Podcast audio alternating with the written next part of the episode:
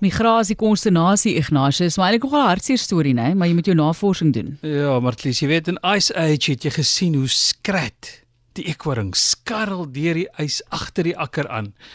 Nou Nico is 'n eekhoring met 'n heel ander storie. Sy reis van sowat 4800 km saam met sy eienaar, Jason, het in Venezuela begin. Ander mense bespreek 'n vlug, troeteldier ken die reissokkie en so aan. Die vlug wat Nico meegemaak het is Jason moes vlug weens politieke en ekonomiese onstabiliteit. Hy kon dit nie oor sy hart kry om sy troetel eekhoring daar te los nie. Toe's Nico in die rugsak vir die reis. Deur Mexiko op 'n bus moes Nico sy of uh, moes Jason op 'n stadium sy foon verkoop vir omkoopgeld 35 dollar om die eekhoring op die bus te hou toe die eekhoring ontdek is. Nou na maande van in 'n tent woon in Mexiko is hulle by Amerika.